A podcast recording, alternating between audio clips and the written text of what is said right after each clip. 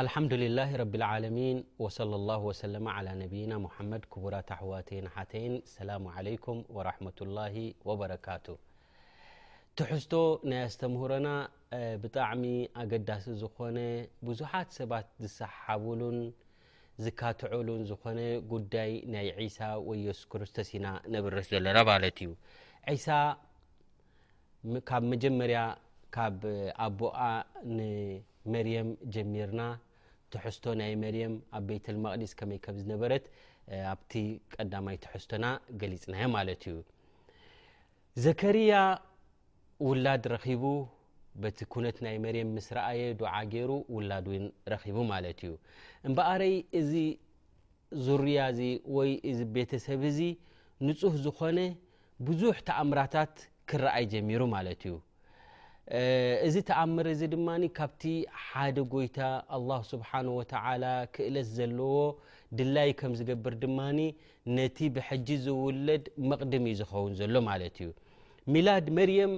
መርየም ክትውለድ ከላ ካብ ኣቦን ኣደን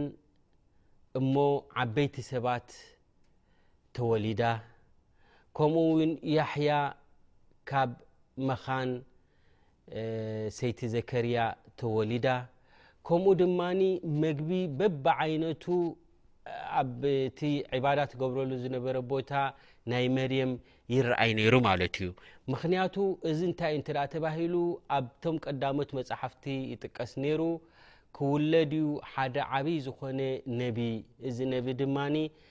ካብ ኣደ ጥራሕ እነ ዘላቶ ኣቦ ዘይብሉ ክውለድ እዩ ተባሂሉ ኣብ ደቂ እስራኤል ዝንገር ዝነበረ እቲ ግዜኡ እውን እናቐረበ ከይዱ ክውለድ እዩ ዝበሃለሉ እውን ይስማዕ ነይሩ ማለት እዩ ከምዚ ዒሳ ዓለይሂ ሰላም ቅድሚ ምውላዱ እዚ ኩሉ እዚ ከም መቕድም ኣብ ደቂ ሰባት ተራእዩ ማለት እዩ። ረቢ ስብሓን ወተዓላ ኩሉ ክእለት ኣብ ኢዱ ምዃኑ ማለት እዩ። መርየም ሓደ እዋን ኣብቲ ከምቲ ናይ ቀደማ ከምቲ ልሙድ ዒባዳኣ እናካየደት እንከላ ዒባዳ እንዳገበረት እንከላ ሃንደበት ሰብ መጺዋ ተራእዩ ዘይፈልጥ ማለት እዩ።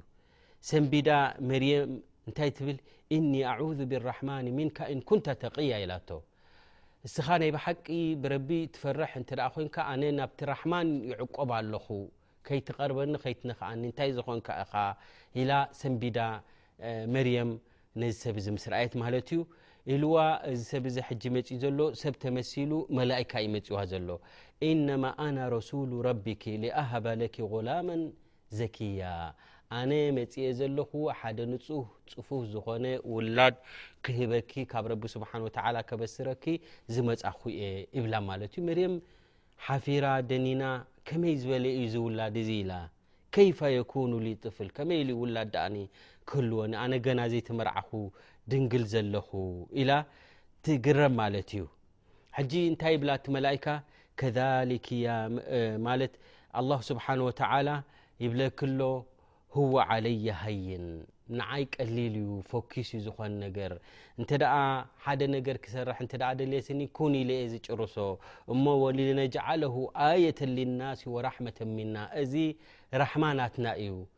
ደቂ ሰባት ሕጂ ደቂ እስራኤል ኣብ ጥፍኣት ኣድሂቦም ዘለዉ ዓለማዊ ኩነታት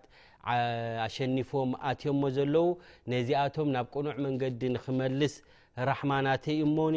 ወካነ ኣምረን መቅድያ እዚ ድማ ረቢ ስብሓን ወተዓላ ዝፀሓፎን ዝወሰኖን እሞ ክውለድ እዩ ኢሉ ኣበሲርዋ ይኸይድ ይስወር ካብኣ ማለት እዩ መርየም ብጣዕሚ ድመፅእ ዘሎ ብቅድሚኣ ዘሎ ኩነት ከቢድ ምዃኑ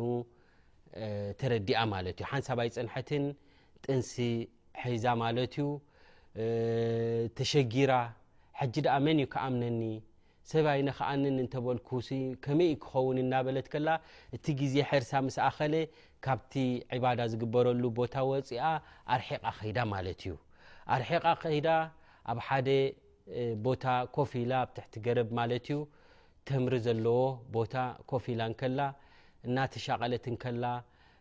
ድምፂ ሰሚዓ ማለት እዩ ኣይትሻቀሊ ኣይትሕዘኒ ዘፍረ ሐብልክን ረቢ ስብሓን ወተላ ክከላኸለልኪ እዩ ጥራሕ ነዚ ገረብ ሞ ሕጂ ቁርብ ሞ ነቕነቕ መብል ትንክፍዮ ሞኒ ክወርደል ክንዲ ተምሪ ካብኡ ብልዐ ኢኺ ካብዚ ሩባ በዝ ጥቓ ክዝሓልፍ ደሎ ድማ ካብኡ ድማ ማይስተይ ኢኺ ተባሂላ ሓንሳብ ኣይፀንሐትን እቲ ግዜ ስለ ዝኣኸለ ውን ውላድ ዝሕሪ ትሸዓተ ወርሒ ጥንሲ ድማ ተወልደ ማለት እዩ ተወልደ ቆልዓ መርየም ውላዳ ሓቂፋ ሕጂ ድኣ እንታይ ክኸውን እየ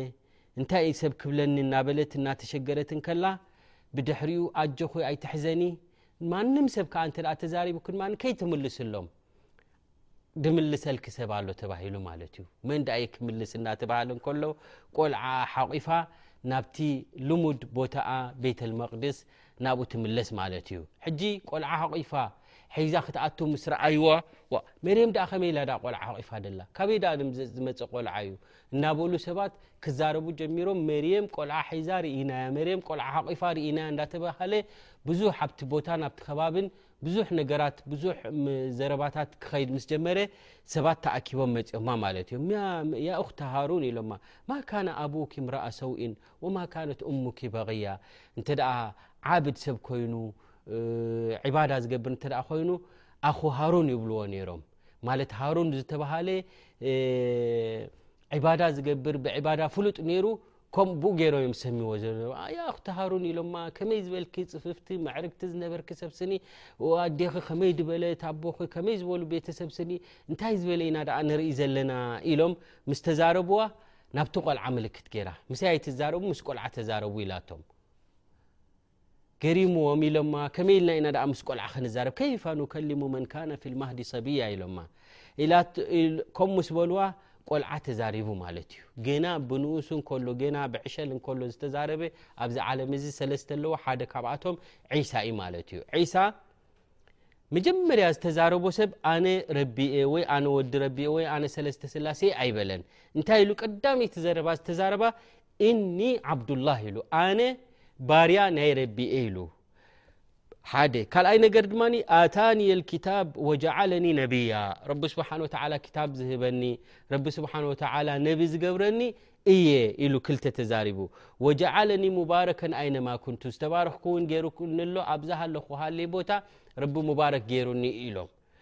ካልኣይ ድማ ረቢ ስብሓን ወተላ ሰላተይ ንክሰግድ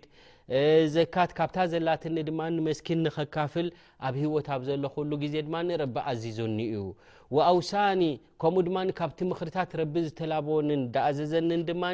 ንወላዲተይ ምእዙዝ ክኸውን ጨካን ከምኡ ድማ ዕቡይ ድማ ረቢ ኣይገበረንን ኣብቲ ዝተወለድኩሉ መዓልትን ኣብቲ ዝሞተሉ መዓልትን ድማ ረቢ ሰላም ይግበረለይ ኢሉ ተዛሪቡ ፅሩይ ዝኾነ ዘራርባ ቆልዓ ህፃን ብዕሸሉ እንከሎ ማለት እዩ ኣብዚ ከምዚ ዝበለ ሰብ ተኣኪብሉ ዝነበረ ክዛረብ ምስ ረኣዩ ሓቂ ብሓቂ እቲ ኣብ መፅሓፍቲ ዝንገር ዝነበረ ካብ ካብ ሰበይቲ ጥራሕ ዝውለድ ኣቦ ዘይብሉ ነቢ ዓብይ ዝኾነ መምርሒ ናይ ረቢ ከመሓላልፍ እዩ ዝበሃል ነበረ እነሀ እምበኣር ንሱ እዩ ኢሎም ገለ ጉጅለ ኣሚኖም ገሊኦም ድማ በቲ ዘለዎ ብ ጥፍኣቶም ቀፂሎ ማለት እዮም ዘከርያ ነዚ ምስ ሰምዐ ናይ መርየም ምስ ረኣየ ተሓጒሱ በዚ ዝሰምዖ ዘረባ ሙባሸረት እንታይ ገይሩ ስጁድ ገይሩ ማለት እዩ ግንባሩ መሬት ኣንቢሩ ንረቢ ስብሓን ወተዓላ ኣመስጊኑ ማለት እዩ እምበኣር መርየም ኩነታት ናይ ዒሳ ምስ ፈርሐትሉ ኣብ ፈለስጢን ብዙሕ ኣይሁዳውያን ክሸግርዎም ምስ ረኣየት ናብ መስር ከይዳ ማለት እዩ ኣብ መስር ዝተወሰነ ግዜ ምፀንሐት መሊሱ ትእዛዝ መፅዋ ካብ ረቢ ስብሓን ወተላ ናይ ግድን ናብ ፈለስጢን ክትምለስ ኣለኪ ተባሂላ ናብ ፈለስጢን ድማ ተመሊሳ ማለት እዮም ዒሳ ዓለ ሰላም ኣተዓባብኡ ፍሉጥ ፅፉፍ ዝኾነ መንገዱ ዝሓዘ እናኸደ እንከሎ ብዙሕ ሙዕጅዛታት የርኢ ነይሩ በል ብዙሓት ሰባት ረብሓ ናይ ዓለም ዝደልዩ ናብኡ ይእከቡ ነይሮም እንታይ ዝበለ ረብሓ ዝደልዩ ማለት እዮም ዝሓመመ ሰብ ተለዎም ናብኡ ይመፁ ማለት እዮም ብስሚላ ኢሉ ድማ ንሱ ድማ ዱዓ ገይሩ ድማ ብፍቓድ ናይ ረቢ ድማ የሕውዮም ነይሩ ማለት እዮም ከምዚ እዳበለ ሰብ ክእከብ ጀሚሩ ከምኡ ድማ እቶም ዓበይቲ ዝበሃሉ ሰብ መጻሕፍቲ ዝበሃሉ ንዒሳ ብኒ መርየም ክንከባኸብዎን ክጥንቀቕሉን ዝግብኦም ድማ ንሳቶም ከይተረፉ ክተኣናጸርዎ ጀሚሮም ማለት እዮም ንዒሳ ኣብዚ ግዜ እዚ ከምዚ ኢሉ እናኸደ ከሎ ምክንያቱ ምስቲ ንሳቶም ኣካይድኦምን ምስቲ ዒሳ ዝዛረቦ ዘሎን በበይኑ ኮይኑ ዒሳ ብኒ መርየም ክብሎም ጀሚሩ ኣነ እዚ ዝኸድዎ ዘለዉ እዞም ዓበይቲ ዝበሃሉ መፅሓፍቲ ሒዞም ከለዉ እቲ መፅሓፍቲ ብግቡእ ኣይከዱን ኣለዉ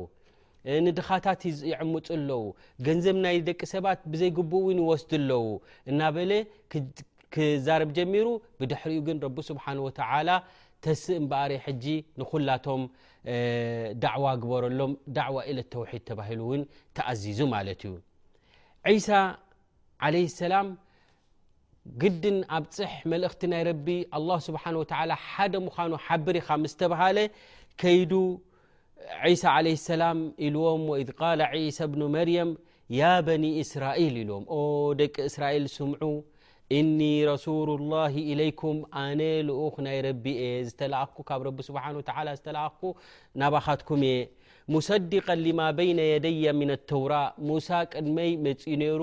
ነቲ ሒዝወ ድመጸ ንዕኡ ዘረጋግጽ ዝኾነ ሒዘልኩም ኣለኹ ወሙበሽረን ናይቲ ዝሓለፈ ጥራሕ ዘይኮነ እውን ናይ ድመፅ ውን ረሱል ኣሎ ያእቲ ምን ባዕድ ስሙሁ ኣሕመድ ኣሕመድ ዝተባሃለ ኣነቢ ለ ላ ሰላም ሙሓመድ ኣሕመድ ሓደ ካብቲ ሽምናቶም እዩ ክመጽእ እዩ ድማ ንዕኡ ብዛዕባኡ እውን ከበስረኩም እየ መጽኤ ዘለኹ ስለዚ ስምዑንን ተኸተሉንን እዚ ዝብለኩም ዘለኹ ድማ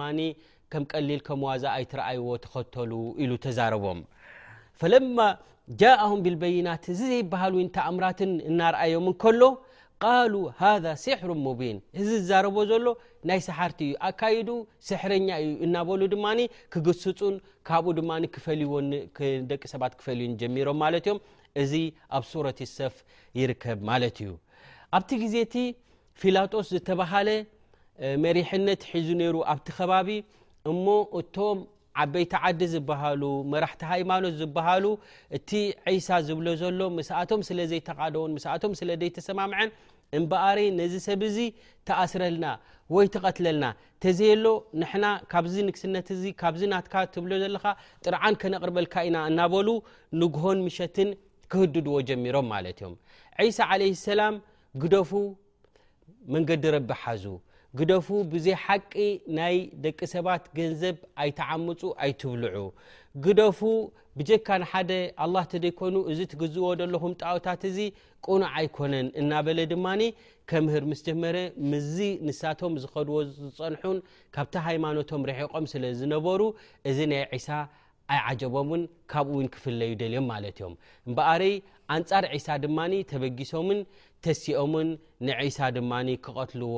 ውዲት ኣካይዶም ማለት እዮም እንታይ ዓይነት ከፈጺሞም ንዝብል ቀጺልና ክንርኢና ማለት እዩ ወሰላሙ ዓለይኩም ወራሕመቱላሂ ወበረካቱህ።